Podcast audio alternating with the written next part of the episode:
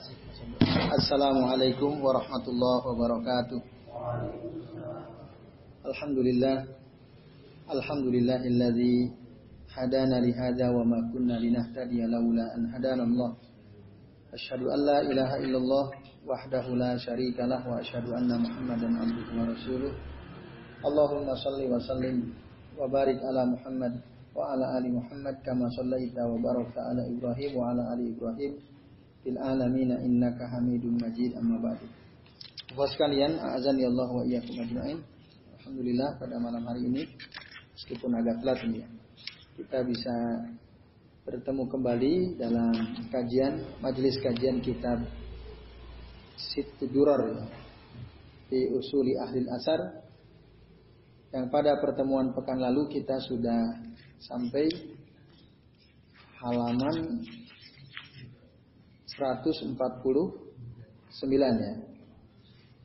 Sampai taprit ifrat itu ya. Atau di bawahnya. Hadisnya sudah sudah jadi ya. Berarti di bawah hadisnya itu. Ya, kemarin sudah sampai halaman 149 ya. Di mana saya ulangi sedikit ya bahwa kehancuran kaum atau umat terdahulu disebabkan karena sikap tafrid dan ifrat ya. Tafrid dan ifrat. Tafrid itu meremehkan, ifrat itu berlebih-lebihan. Tafrid dilakukan oleh orang Yahudi, ifrat dilakukan oleh orang Nasrani. Berlebih-lebihan sehingga mereka sampai pada sifat gulu ya. Nah, mari kita perhatikan hadis. Saya ulangi hadisnya. Rasul mengatakan, "Da'uni tukum. Cukupkan cukupkanlah dengan apa yang aku tinggalkan untuk kalian. Jadi Rasul menyuruh kita untuk mencukupkan diri dengan apa yang dibawa oleh Rasul. Apa yang ditinggalkan oleh Rasul, yaitu Al-Quran dan Sunnah. Al-Quran dan Sunnah. Fa inna mahalaka man kana qablakum bi kathrati su'alihim wa ikhtilafihim ala anbiya'ihim. Sesungguhnya binasanya kaum sebelum kalian itu disebabkan karena dua perkara. Satu karena banyaknya bertanya pertanyaan yang tidak penting sebenarnya. Kemudian waqtilafuhum ala anbiya'ihim. Yang kedua perselisihan mereka terhadap para nabi mereka. Udah nanya dikasih tahu tapi di ya, ya di, udah udah tahu malah tidak dilakukan itu. Nah ini kan ngaco ini. Nah, nanya ABC jawabannya udah jelas tapi nggak melakukan.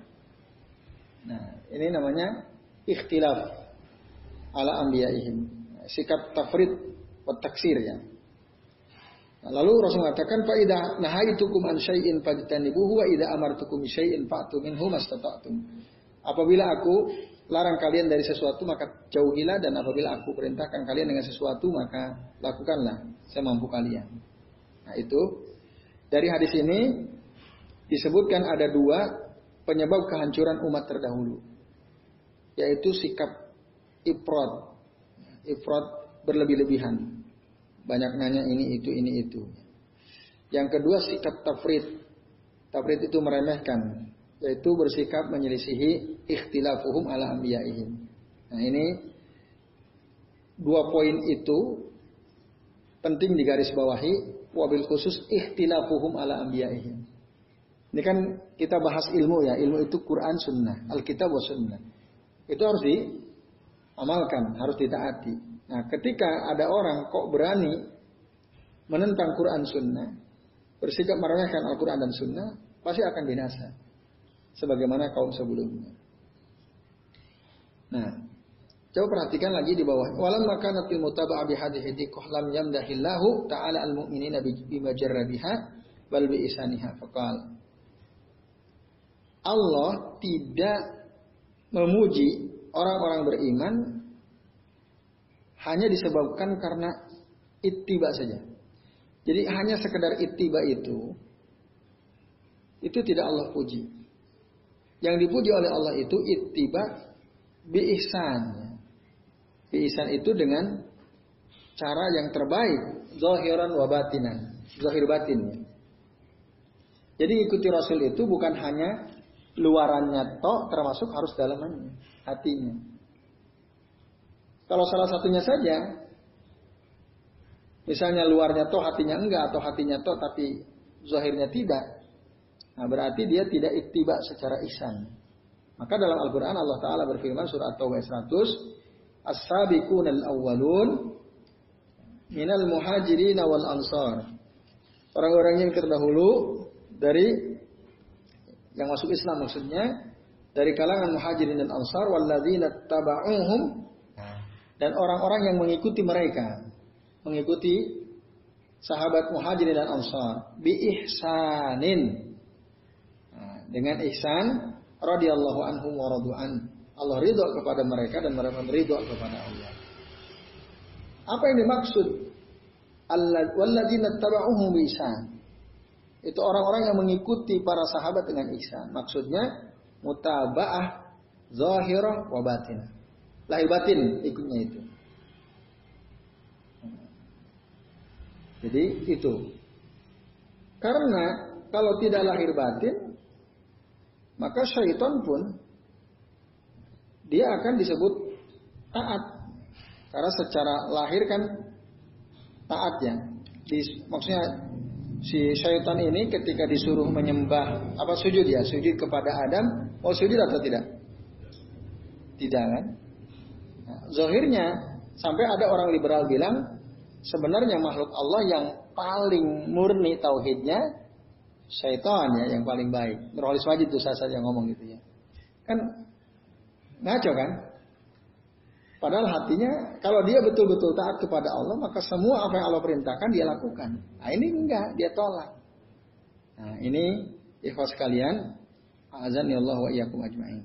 Jadi harus lahir batin sebagaimana orang-orang muhadirin dan orang-orang ansar. Itu.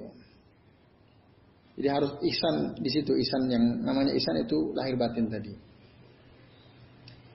Nah, kemudian uh, dikatakan lagi asro'a al-aubah wa nafa'atu at-taubah. Kalau kita betul-betul mengikuti lahir batin, maka dia akan kita akan ketika kita melakukan satu kesalahan, kita akan segera bertaubat. Nah, itu. Kama wasafallahu al-muhajirin wal ansar bidzalika sebagaimana Allah mensifati orang muhajirin dan ansar dengan itu. Karena mukhalafatihim, mukhalafatahum lam takun muta'assila fi qulubihim.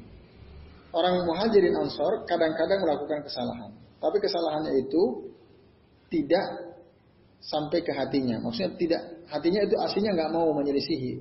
Tapi kadang-kadang ada perbuatan mereka yang menyelisihi. Nah, jadi penting maksimal gitu. Itiba itu maksimal lahir batin. Nah, itulah yang dilakukan oleh muhajirin dan ansar. Secara lahir mungkin mereka melakukan, tapi hatinya enggak. Melakukan kesalahan maksudnya. Tapi hati sebenarnya enggak. Nah, itu manusiawi. Oleh karena itu, inilah rahasia kenapa Allah memperhatikan mereka ya, muhajirin ansar. Karena ma'urifu bihi minal mutaba'ah Karena Allah tahu orang muhajirin ansar itu mengikuti Rasulullah secara sempurna. Nah, maka renungkanlah katanya, Bagaimana Allah menginformasikan bahwa Allah menjaga hati-hati mereka, hati orang muhajirin, orang ansar dari kesesatan disebabkan apa? Bisa bisidqihim fil mutabah. Karena kejujuran mereka di dalam mengikuti Rasulullah SAW bahkan di waktu yang sangat sulit dalam perang Tabuk ya. Keadaan susah, tapi mereka taat kepada Nabi Shallallahu Alaihi Wasallam. Oleh karena itu Allah katakan, Laqad taballahu 'alan nabiyyi wal muhajirin wal ansari alladziina tabauhu fi sa'atil usrati min ba'di ma kada yazigu qulubu minhum. Sungguh Allah telah memberi memberi taubat kepada nabi, orang muhajirin, orang ansar dan orang-orang yang mengikuti mengikutinya, mengikuti nabi maksudnya di waktu yang sulit yaitu perang Tabuk setelah hampir-hampir saja hati sebagian mereka itu uh, apa menyimpang gitu ya. Yazigu qulubu minhum, sebagian dari mereka. Lalu berhati-hatilah orang-orang yang nampak luarnya ngikutin sunnah tetapi batinnya tidak. Itu hati-hati atau sebaliknya. Jadi jangan sampai secara lahir dia ittiba ya. Dia berjenggot, cukur kumis gitu ya. Pakai berusaha memakai pakaian tidak isbal misalnya. Nah, itu. Tetapi batinnya enggak batinnya. Mengingkari batinnya. Sebenarnya aku ini enggak mau kayak gini. Misalnya. Nah, itu bahaya itu akhirnya. Atau secara lahir enggak ngikutin tapi hatinya kamu kok enggak tadi ya kalau secara fisik yang kelihatan misalnya. Kamu kok kamu cukur terus jenggotmu kelihatannya kamu subur itu. Yang penting kan hatinya. Nah itu. Yang penting hatinya. Nah, ini nggak benar juga. Itu berarti dia itibaknya secara batin tapi secara zahir tidak. Yang, yang, namanya waladina taba'uhum bi ihsanin itu artinya lahir batin. Batinnya meyakini, lahirnya mengamalkan. Ketika datang ilmu kepadanya, datang hadis ya petunjuk dari Nabi kepadanya, dia amalkan. Diyakini secara batin, diamalkan secara lahir. Itu namanya ittaba'uhu bi ihsan. Ikuti secara ihsan, secara maksimal. Yaitu teman-teman sekalian. Kemudian Allah akan menyegerakan ya, hukumannya kepada orang yang berani menyelisihi Rasul. Allah akan menyegerakan hukuman orang-orang menyelisihi para Rasul. Lalu katakan sebagaimana orang yang mengikuti Rasul itu akan ditolong oleh Allah. Kita udah bahas ya penjelasannya.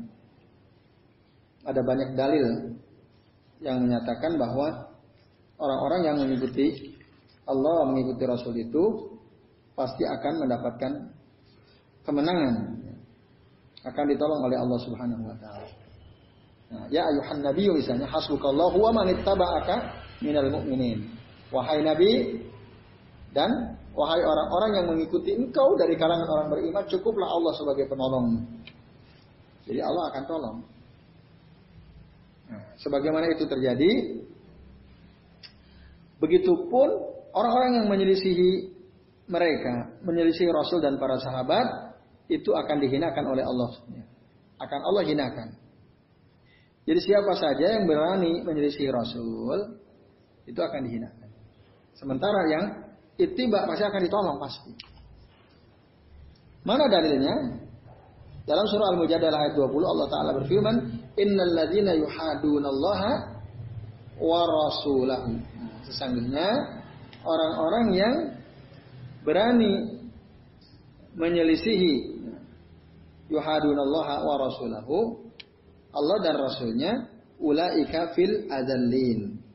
Nah, sesungguhnya mereka termasuk sesungguhnya orang-orang yang menentang Allah dan rasulnya ulaika fil adallin. Mereka itu termasuk golongan yang terhina ya. Surah Al-Mujadalah ayat 20. Jelas. Innal ladina yuhaddunallaha wa rasuluhu wa rasulahu ulaika minal adallin. Jadi Allah dan Rasul itu jangan ditentang. Perintah Allah dan Rasul jangan ditentang. Ketika kita berani tentang, kita akan dihinakan. Dan Rasul pun menegaskan, waja'ala az-zillata was-sigara 'ala khalafa amri. Allah menjadikan kehinaan dan kekerdilan atas orang-orang yang berani menyelisihi aku kata Rasul. Kata Rasulnya, berani menyelisihi perintahku. Nah, itu maka hati-hati kalau ada perintah dari Nabi jangan pernah kita berani menyelisihinya. Itu hadis riwayat Imam Ahmad dan Ibnu Abi Syaibah dan hadis ini dikatakan hadis hasan. Yang tadi waja'ala al-dhillata wasigara ala man khalafa amri. Penjelasannya seperti yang dikatakan oleh Ibnu Taimiyah. Beliau mengatakan bid'ah itu dekat dengan perpecahan al wal bid'atu makrunatun bil furqati. Nah, Jadi bid'ah itu dekat dengan perpecahan atau akan diikuti oleh perpecahan. Orang yang suka melakukan bid'ah itu itu akan terpecah belah gitu ya. Kama anna sunnata makrunatun bil jamaah. Sebagaimana sunnah akan diikuti oleh persatuan. Maka dikatakan ahlu sunnah wal jamaah. Sebagaimana katakan ahlul bid'ati wal furqah.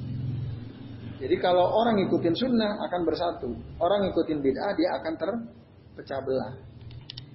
Akan terpecah belah. Nah, ini bagian dari resikonya menyelisihi Rasul. Para pelaku bid'ah itu kan menyelisihi Rasul. Dia akan terpecah-pecah. Ya, ya sebenarnya apa yang ada di sekitar kita ya, kita bisa lihat tuh fenomenanya ya. Orang para pelaku bid'ah itu nggak sama, beda-beda pasti. Walaupun mungkin dalam satu payung gitu ya. Mereka beda-beda. Tapi orang yang ikutin sunnah pasti satu. Maka ahli sunnah wal jamaah. Para ahli ilmi, ahli ilmi telah bersepakat bahwa di antara sebab terbesar kekalahan dan konflik ya, at-tanazu perselisihan apalagi tidak dilakukan perselisihan dalam agama ini sebesar-besar perselisihan itu tumbuh dari bersikap at-taksir ya. At-taksir itu ya meremehkan dalam taat kepada Allah dan Rasulnya. Maka orang yang konflik terus berselisih satu sama lain itu sesungguhnya karena dia ini kurang taat sama Allah dan Rasulnya. Maka kita bisa buka misalnya dalam surah Al-Anfal ayat 46 ya. Wa atiullaha wa rasulahu wala tatanazza'un. Taatilah Allah dan Rasulnya jangan dan janganlah kalian saling berselisih fatafsal fatafsalu wa tadhhabari hukum. Nah, kalau kalian saling berselisih, maka apa? Kalian akan gentar dan hilang kekuatan kalian. Kalau kita terus berselisih, kekuatan kita akan hilang. Maka nggak boleh kita saling berselisih satu sama lain. Nah ini ikhwas kalian. Kemudian dan ketika berpegang teguh kepada sunnah, dia merupakan perahu keselamatan di lautan perselisihan, maka Nabi menyuruh kita untuk senantiasa berpegang teguh kepada sunnah seperti yang dikatakan beliau ya e, berpegang teguh kepada sunnah ketika terjadi perselisihan yang sangat banyak. Hadisnya ini udah pernah kita bahas ya. Wa innahu man ya ismin kumba'di sesungguhnya barang siapa orang yang hidup setelah aku setelah sepeninggalku masih hidup dia nah, fasayaro ikhtilafan katsira dia akan melihat banyak sekali perselisihan, ikhtilafan katsira.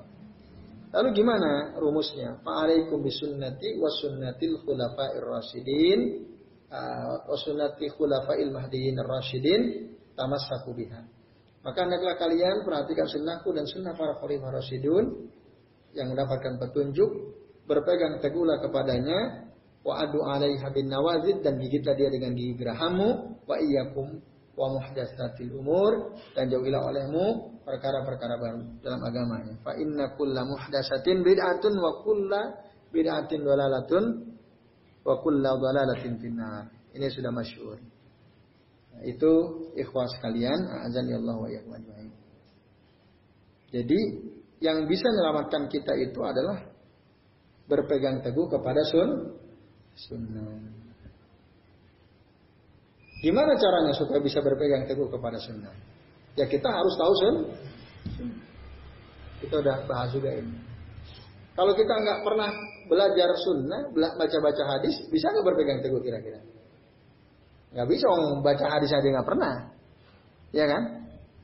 Nah, untuk bisa berpegang teguh kepada sunnah, mengharuskan seseorang banyak mutolaah, banyak tolabul ilmi, banyak cari ilmu.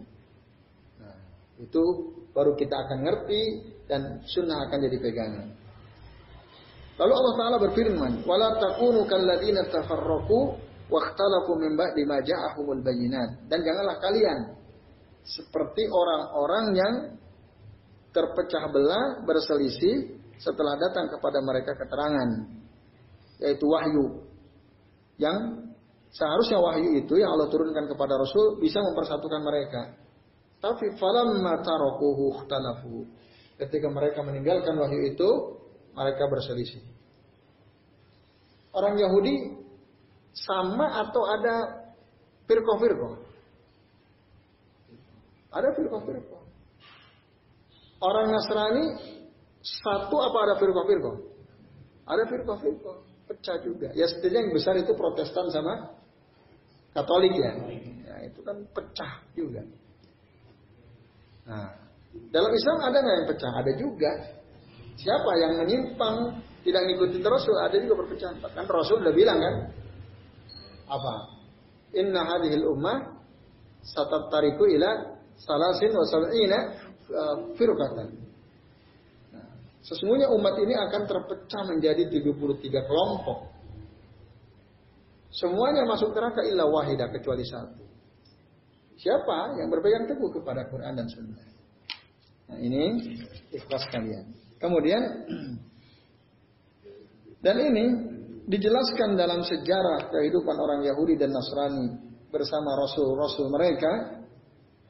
Orang-orang Nasrani itu mengikuti para pendeta yang telah melakukan perbuatan bid'ah. Dan mereka meninggalkan sebagian apa yang diperintahkan oleh rasulnya. Maka Allah menimbulkan di antara mereka permusuhan dan al-bagdo ya. Al-adawah wal bagdo, kemurkaan antara mereka. Sebagaimana Allah berfirman, "Wa minal ladzina qalu inna nasara akhadna mitsaqahum" Sebagian dari orang-orang yang mengatakan sesungguhnya kami ini orang-orang Nasrani, akhadna mitsaqahum. Nah, kami uh, apa? Melakukan perjanjian mereka, tanasu hazzan mimma zukiru bihi. Lalu mereka melupakan Eh, bagian yang seharusnya mereka ingat ya. Atau mereka diingatkan fa'agrayna bainahumul adawata wal baghdha ila yaumil qiyamah. Maka kami tumbuhkan permusuhan ya, dan kemurkaan sesama mereka. Nah itu. Sekalian itu yang dikatakan oleh Allah dalam surah Al-Maidah ayat 64 eh maaf, surah berapa? Al-Maidah ayat 14 ya, ayat 14. Jadi kalau ada orang melupakan peringatan dari Allah dan Rasulnya, berarti kalau sekarang Quran dan Sunnah, maka Allah akan munculkan di dalam hati mereka al adawah wal bagdo itu ya. Al adawah wal bagdo. Jadi tadi permusuhan kebencian, kemurkaan sesama mereka, benci sesama mereka. Nah, itu teman-teman sekalian. Ibnu Taimiyah mengatakan ini merupakan satu dalil yang menunjukkan bahwa mereka meninggalkan sebagian apa yang diperintahkan. Karena meninggalkan itulah menjadi sebab terjadinya permusuhan, kebencian yang diharamkan atas mereka. Itu. Ya sebabnya adalah karena meninggalkan apa yang diperintahkan oleh Allah dan Rasul. Itu menjadi sihir. Nah, itu kemudian uh, orang Yahudi misalnya juga pun begitu. Dia meninggalkan sebagai apa yang Allah perintahkan. Seperti yang Allah firmankan dalam surah Al-Maidah 13 Qala Allah Ta'ala, "A'udzu billahi minasyaitonir rajim, yuharrifuna al-kalima amma wadi'ihi wa nasu hazzan mimma dzukkiru bihi." Nah, itu. Yang artinya mereka orang-orang Yahudi yuharrifuna al-kalima. Jadi merubah-rubah firman Allah Ta'ala. Suka merubah perkataan Allah Ta'ala. Dari tempatnya amma wadi'ihi wa mimma bihi dan mereka melupakan sebagian apa yang Allah peringatkan kepada mereka. Mereka lupa.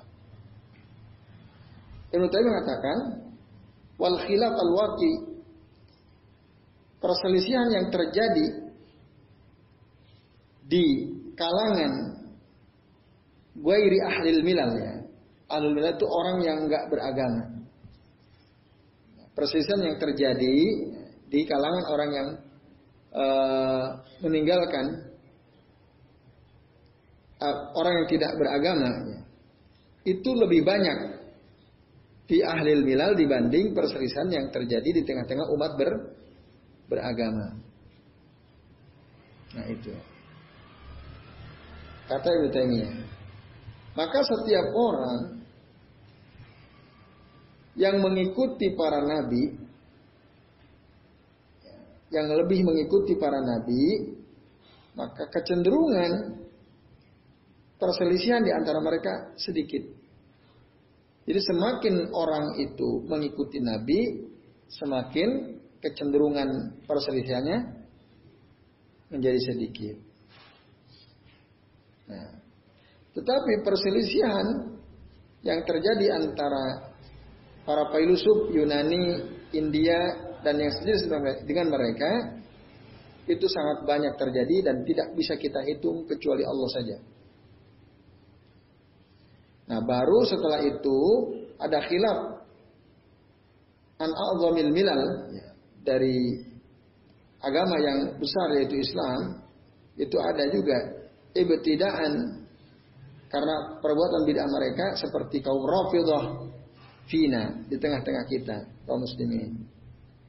Kemudian khilaf antara Mu'tazilah dan yang sejenis yang mereka khilaf antara kelompok yang menisbatkan diri mereka kepada jamaah seperti Al-Kilabiyah atau Kulabiyah, Al-Qaramiyah, Al-Asyairah, Asy'ariyah dan yang lainnya. Dan setelah itu persisian di antara para ahli hadis inilah suatu kaum yang paling sedikit berselisih dalam masalah-masalah usul. Karena warisan yang mereka miliki itu dari Nabi merupakan warisan yang besar daripada warisan selain mereka. Maka Allah memelihara mereka uh, dengan apa? Dengan tali Allah. Alladzina tasamu bihi yang di mana mereka berpegang teguh dengan tali itu. Wa tasimu bihablillahi jami'a wa la tafarraqu. Ali Imran ayat 103. Itu kata Ibnu Taimiyah. Ringkasnya gini terus kalian. Jadi orang itu orang yang nggak beragama dengan orang yang beragama potensi untuk berselisihnya itu lebih besar yang tidak beragama. Tapi dalam orang yang beragama juga tetap ada potensi perselisihan. Cuma lebih parah orang yang tidak ber, beragama. Ya, orang ateis komunis ya. Itu sebenarnya kan ngeri itu mereka itu. Ya, walaupun mungkin maju secara dunia ya. Kalau apa? Kita amati di media yang kita punya Cina itu kan hancur betul ya. Bagaimana menyikapi atau menghukum rakyatnya kan. Saya lihat tuh ada video polisi itu mukulin para pedagang di pasar itu. Bahkan lebih ngeri lagi di Cina itu anak mukulin orang tuanya. Pernah lihat videonya? Wah itu ngeri. Di Cina itu kalau orang tua sudah sepuh, nggak bisa ngapa-ngapain, nggak ada harga. Itu kalau bisa dibunuh oleh anaknya sendiri, dipukulin. Saya, saya pernah lihat videonya gitu ya dari ada orang yang share di Twitter.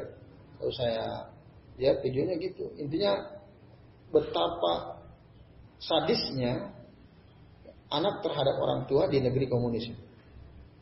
Nah, itu. Jadi mereka itu semakin jauh dari agama, konflik semakin besar potensi konflik. Bahkan bukan hanya di apa tataran sosial yang lebih luas, di rumah sendiri juga begitu. Tapi orang yang semakin dekat kepada hadis, semakin dia ngikuti Rasul, potensi konfliknya semakin kecil. Kalau apa-apa kita, yuk kembali kepada hadis. Yuk kita lihat bagaimana dalilnya. Nah, itu potensi konfliknya relatif kecil.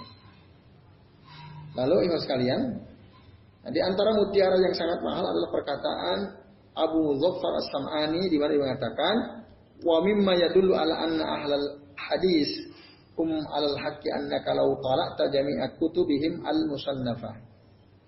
Dan di antara yang menunjukkan bahwa ahlul hadis itu berada di atas hak yang benar, sesungguhnya kalau kamu teliti, kamu perhatikan seluruh kitab-kitab yang ditulis oleh mereka, dari yang awal sampai yang akhir, dari yang tua sampai yang baru, meskipun negeri mereka berbeda, hidup di zaman berbeda, bahkan mereka jauh rumahnya jauh-jauh satu di mungkin Saudi, satu di Bosnia Herzegovina, di Turki, di Indonesia seterusnya, di seluruh tempat bahkan ya. kalau mereka ngikuti sunnah, ngikuti hadis, Walaupun tadi beragam itu tinggalnya di mana-mana, wajad tahumpi bayanil i'tiqad ala watiratin wahidah wa wahid. Maka kamu akan mendapatkan mereka dalam bab akidah ini ada di satu garis yang sama. Itu teman-teman sekalian. Jadi semakin kuat seseorang berpegang teguh kepada al-haq, semakin potensi konfliknya sedikit. Itu. Teman-teman sekalian. Nah. Kata apa? Kata saya Abu Muzaffar As-Sam'ani. Abu Muzaffar As-Sam'ani. Nah, terus apa dia bilang lagi?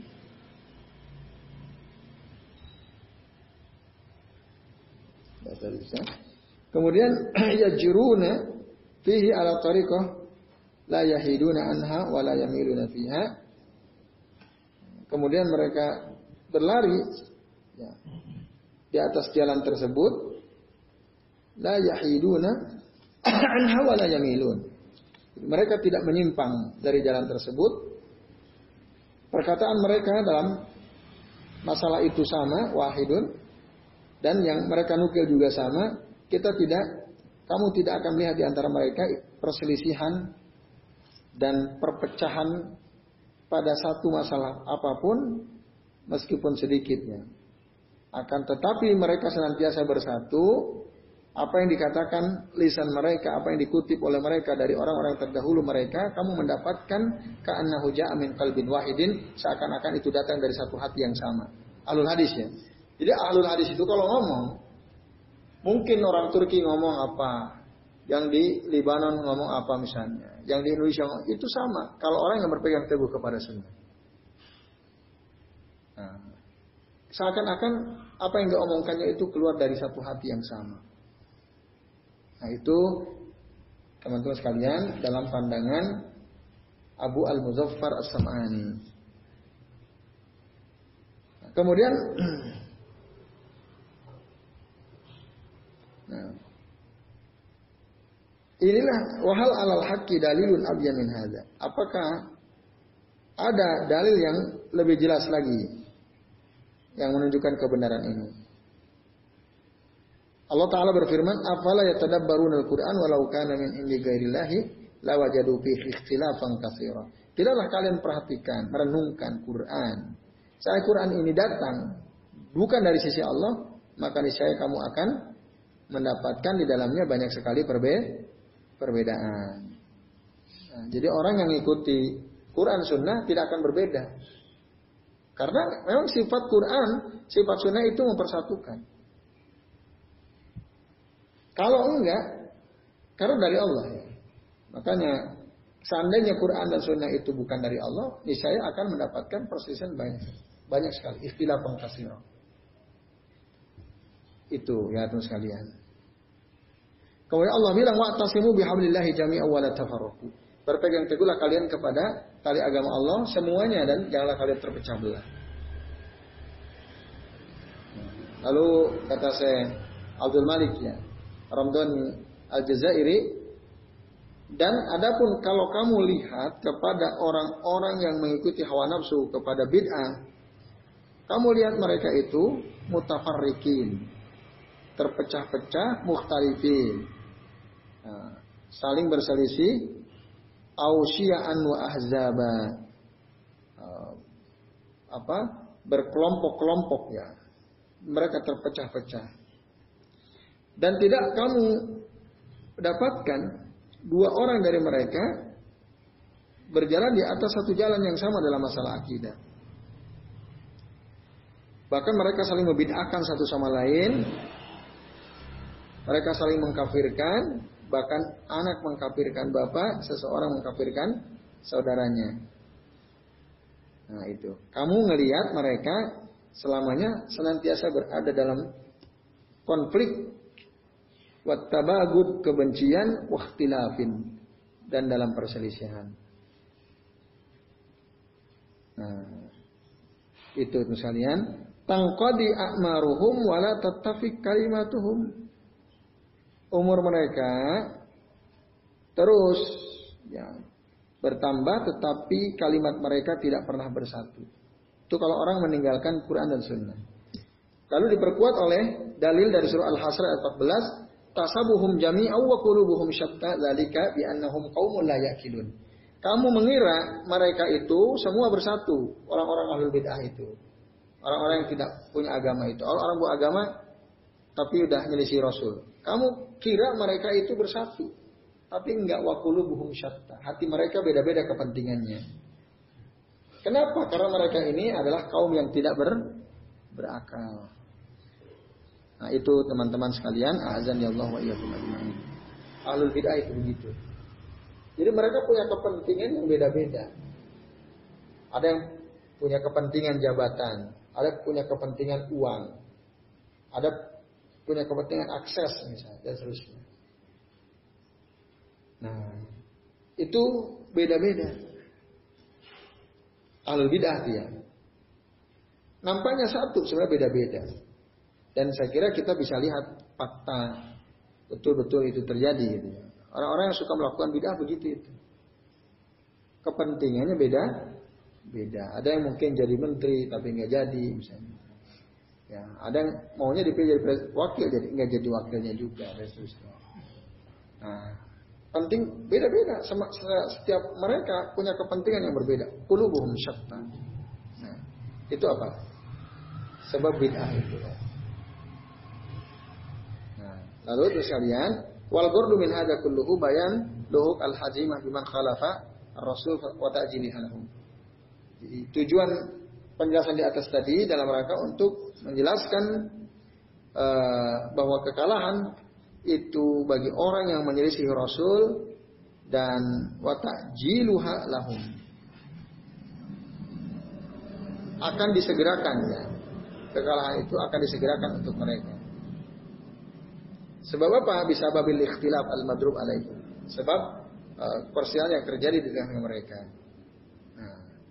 Terakhir, ikhlas sekalian, azan ya Allah Dalam satu hadis riwayat dari Sa'ad Ahmad Al Baihaqi dan yang lainnya dengan sanad dari banyak sahabat. Ada satu hadis ya, di mana dikatakan kalau mereka bertanya wabah asar Rasulullah SAW suatu kali Rasul pernah mengirim seorang sahabat namanya Abdullah bin Khadafah al As-Sahmi dikirim oleh Rasul Nah, ini salah satu dari enam orang yang dikirim khusus oleh Nabi. Ke mana dikirimnya? Macam-macam ya. Ada yang ke Yaman, ada yang ke Ethiopia, ada yang ke Mesir. Nah, di antara yang dikirim oleh Nabi, ada yang ke Kisra. Kisra itu pemimpin Mesir ya. Kisra. Yad'uhu orang Persia maaf. Kepada Kisra orang Persia, pemimpin Persia. Rasul menyeru dia untuk masuk Islam. Lalu Rasul menulis surat. Lalu berkatalah Abdullah, aku berikan surat tersebut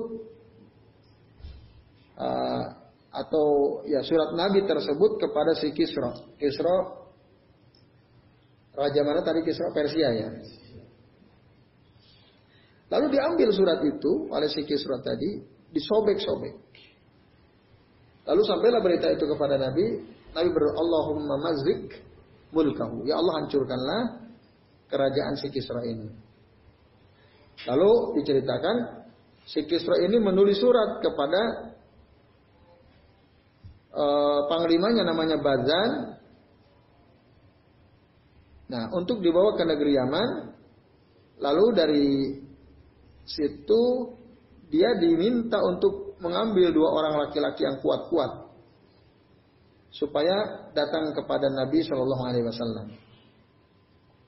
Nah, lalu kata Nabi, "Falyatiani bi khabarihi." Mereka berdua datang kepadaku dengan informasinya. Oh, maaf. Jadi si Kisra ini mengirim Bazan untuk pergi ke negeri Yaman untuk mencari dua orang yang kuat. Nah, yang nanti akan dikirim kepada Nabi yang tinggal di Hijaz. Lalu setelah itu si Kisra minta berita dari orang yang dikirim yang kuat tadi itu.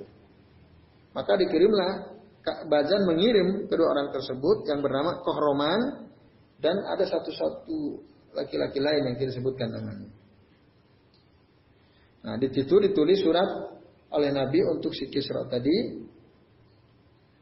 Ada si ini pun bawa surat ya anak buah si Kisra si Bazan sama siapa tadi Kohroman itu. Datanglah ke Madinah lalu memberikan si Bazan ini surat dari Kisra kepada Nabi. Rasul hanya tersenyum saja dan mengajak mereka, ayo ente masuk Islam aja deh. Nah, pada ahuma ilal Islam wa faraisihima tar'an. Nah, waktu itu dia mereka ketakutan, gagah-gagah. Ketika ketemu Rasul, didakwai oleh Rasul, ente masuk Islam aja. Ah, ketakutan, bergetar. Itu saya. Nah, ketika Rasul melihat kumis utusan si Kisra ini kumisnya mebleng gitu ya. Tetapi jenggotnya sama jambangnya itu gundul, klimis. Dia potong apa jenggotnya, jambangnya, tapi kumisnya mebleng. Ini bersih gitu ya. Nah, lalu Rasulullah, wahai hakuma, man amarakuma bihadza? Celakalah kalian, siapa yang menyuruh kalian seperti ini? Siapa? Lalu si orang kekar itu berkata, Amarona Rabbuna, telah memerintahkan kepada kami Tuhan kami. Siapa Kisro itu? Lalu Nabi berkatakan, Walakin amaronia Rabbiya Azza wa Jalla an ufiya lihiyati wa an ufiya syaribi. Akan tetapi aku diperintah oleh Tuhanku Azza wa Jalla untuk memanjangkan jenggotku dan memotong kumisku. Dan kemudian beliau mengatakan irji'ani yaumakum hadza hatta ta'tiyanil ghad. Nah, pulanglah, pergilah kalian berdua dariku uh, yaumikum hadza hatta ta'tiyanil ghad. Uh, pada hari kalian berdua ini sehingga kalian nanti datang lagi kepadaku besok. Akhirnya Pak bima urid diberikanlah informasi kepada mereka sesuai dengan yang diinginkan. Maka mereka berdua pun datang esok harinya kepada Nabi dan Nabi berkata kepada mereka, "Abliga sahibakuma uh, anna rabbi qad fatala rabbahu kisra fi hadhihi laila." Nah, itu kalian orang yang berani menentang Rasul, si Kisra tadi, Raja Persia kan menyobek-nyobek surat Rasul, gitu kan? Disobek-sobek. Lalu dia ngirim dua orang kuat tadi. Lalu Rasul sampaikan bahwa Tuhanku Allah telah membunuh Tuhan kalian. Tuhan dibunuh si Kisra tadi. Wah bingung mereka. Kalau sangat ditakuti Kisra itu.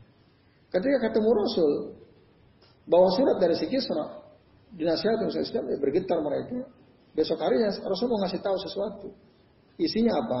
Ternyata berita mengerikannya. Si Kisra itu mati. Betul. Maka dalam doa Nabi tadi kan Nabi berdoa ya. Allahumma mazik mulkahu. Allahumma mazik mulkahu. Berani orang menentang Rasul. Hadun Allah wa Rasulah. Didoakan oleh Rasul. Ya Allah, binasakanlah kekuasaannya. Nah, terus kalian, akhirnya si Kisra itu betul mati. Siapa yang bunuh? Anaknya sen sendiri. Dibunuh oleh anaknya sendiri. Nah, maka dalam kisah ini Nabi mengetahui kehancuran si Kisra Karena dia berani apa tajarroa ala risal berani kepada surat yang dikirim oleh Rasul dan tidak menghormati surat tersebut. Dan Allah tentu saja maha kuasa. Maka siapa yang terputus inna syani akahwal abtar. Sesungguhnya orang yang membenci engkau itulah nanti akan terputus. Terputus apa ya? Termasuk terputus nasabnya dan seterusnya. Jadi orang nggak ada yang ingat lagi. Nah. Dan yang bunuh itu adalah anaknya. Seperti disebutkan oleh Al-Hafidh Ibnu Hajar Al-Asqalani dalam kitab Al-Fath. Dan ini merupakan ijaz, mukjizat yang sangat sempurna di dalam apa? Fi'il adawati baina afradil ummatil wahidah. Uh, wahwa min tamamil. Ini mukjizat yang sempurna di mana Allah memberikan menancapkan permusuhan di antara individu-individu umat yang satu itu. Nah, pakai bahwa ada waktu ahli baiti wahid. Bagaimana mungkin itu tidak terjadi? Pasti terjadi. Bayangkan saja orang yang tinggal satu rumah saja, kalau ada yang menyelisihi, nah itu pasti akan muncul permusuhan dan kebenciannya. Maka di dalam surah Al-Maidah ayat 64 Allah Taala berfirman, wa alqaina bainahumul adawata wal baghdha'a in ila yaumil qiyamah wa alqaina jadi kami uh, apa namanya tanamkan atau lemparkan ke dalam sesama mereka permusuhan dan al-baghdha ya kebencian kemurkaan sampai hari kiamat. Nah ini saya kira untuk sekalian, ya, sementara sampai sini. Halaman berapa berarti? 150 berapa? 158. Ya. Intinya dari apa yang tadi kita sudah bahas itu, Allah akan menyegerakan hukuman bagi orang yang menyelisihi sunnah Rasul. Pasti itu tadi dijelaskannya dan beberapa ayat yang menegaskan juga disebutkan dari surah Maidah. Ya saya kira ini terus kalian supaya tidak terlalu malam ya. Ini setengah dua belas kurang sembilan atau delapan. Eh setengah sebelas ya kurang delapan. Sampai sini dulu. Ini prinsip yang keberapa ini? Masih keempat ya. ya insya Allah satu lagi nanti satu sesi lagi insya Allah. Oke itu oleh karenanya ikuti sunnah Rasul Jangan selisihi, ikuti lahir batin, maka Allah akan ridho ridho kepada kita. Kalau kita berani, Allah pasti akan beri hukuman. Itu pasti. Jadi saya kira itu saja. Selebihnya barangkali ada yang mau antum tanyakan. Ini ada waktu ke, ke jam setengah sebelas, delapan menit. Kalau ada yang mau ditanyakan.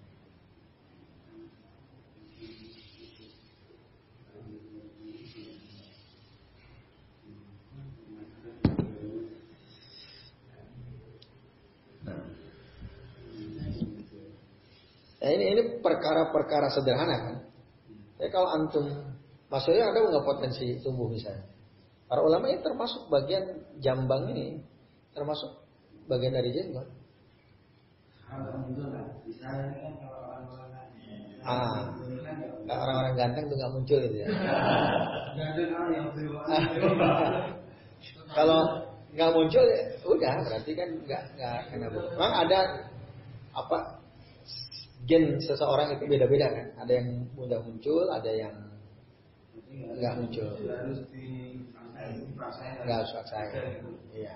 Kalau toh emang nggak muncul.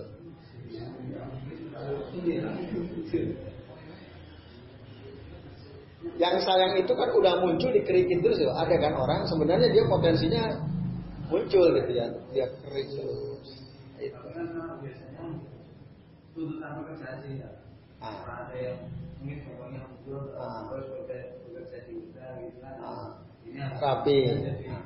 gimana tuh nah, padahal perintahnya ada dipelihara sementara pekerjaan menuntut kita klimis gitu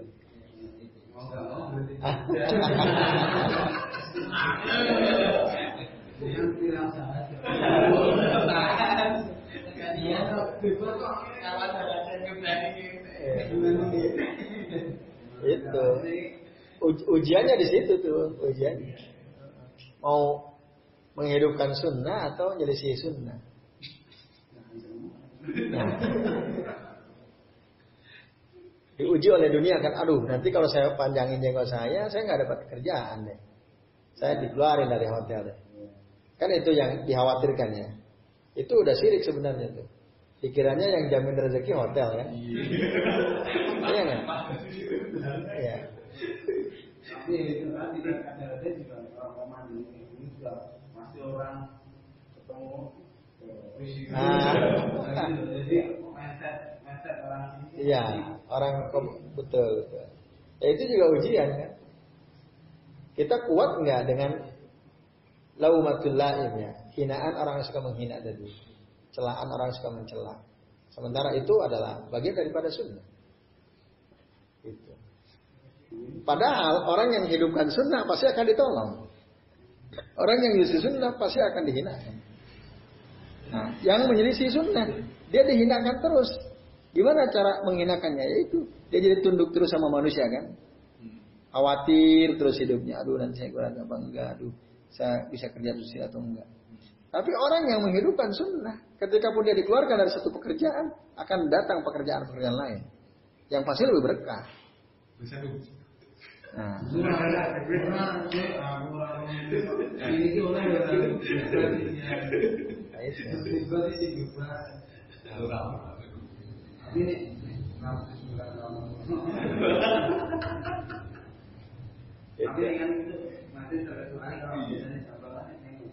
Gak boleh. Tapi ada juga sih masih hotel yang memang boleh.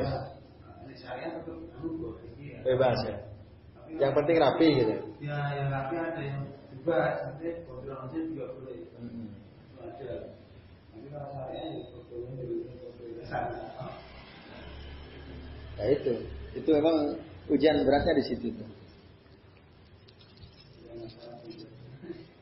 Nah ini ini contoh kecil ya, kan masih banyak tuh sunnah-sunnah lain. Kayak misalnya apa? Ada kan, saya dengar di Progo nggak tahu, katanya nggak boleh itu karyawan sholat Jumat, di Progo toko Progo. Ya, katanya ada. Boleh sih boleh? Ah, boleh. Juga. Oh gitu. Jadi yang mungkin saya kan biasanya untuk engineeringnya. Ah. Oh boleh. Hmm. Saya pernah dengar katanya. Kan. Hmm. Ya, ya kalau tempatnya surya itu Tinsu, tinsu. Jadi memang nggak boleh. Kalau dia yang, yang punya Cina. Hmm. Ya itu.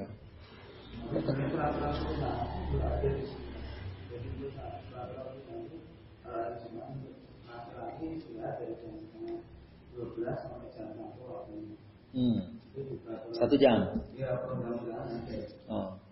Oh di undang-undang ya, undang-undang ketenaga kerjaan. Artinya pengusaha nggak boleh mengurangi hak karyawan, karyawan istirahat hak, hak istirahat untuk ibadah. Alhamdulillah kalau udah gitu kan. Cuma kalau apa pengusaha melarang karyawannya berjenggot kan nggak melanggar undang-undang kan, nggak ada aturannya kan. Ya. Bahkan harus itu di boro-boro karyawan di swasta kan, ASN aja nggak boleh berjenggot kan? Kalau mau tetap pelihara jenggot, celana cingkrang ya keluar aja jangan jadi ASN. Kan gitu ya? Kata Menteri Agama gitu. Allah alam ber, itu berlaku atau enggak? Yang mau pakai cadar, ya keluar aja dari ASN. Kan itu. Ya itu tantangannya memang. Tapi tadi kalau kita kembali pada apa yang dijelaskan di sini, kalau kita ngikutin sunnah, pasti Allah tolong sebenarnya. Pasti Allah tolong. Oke, itu teman-teman sekalian. Insya Allah satu sesi lagi ya. Uh, untuk menyelesaikan al-asal ar-rabi ya. Bahwa kemuliaan itu tidak bisa dicapai kecuali dengan ilmu. Itu teman sekalian eh, mohon maaf apabila yang kami sampaikan ada kesalahan dan keliruan. Nanti ditutup oleh pembicara Mas Abdo dan saya akhiri billahi taufiq wal hidayah. Wassalamualaikum warahmatullahi wabarakatuh. Waalaikumsalam.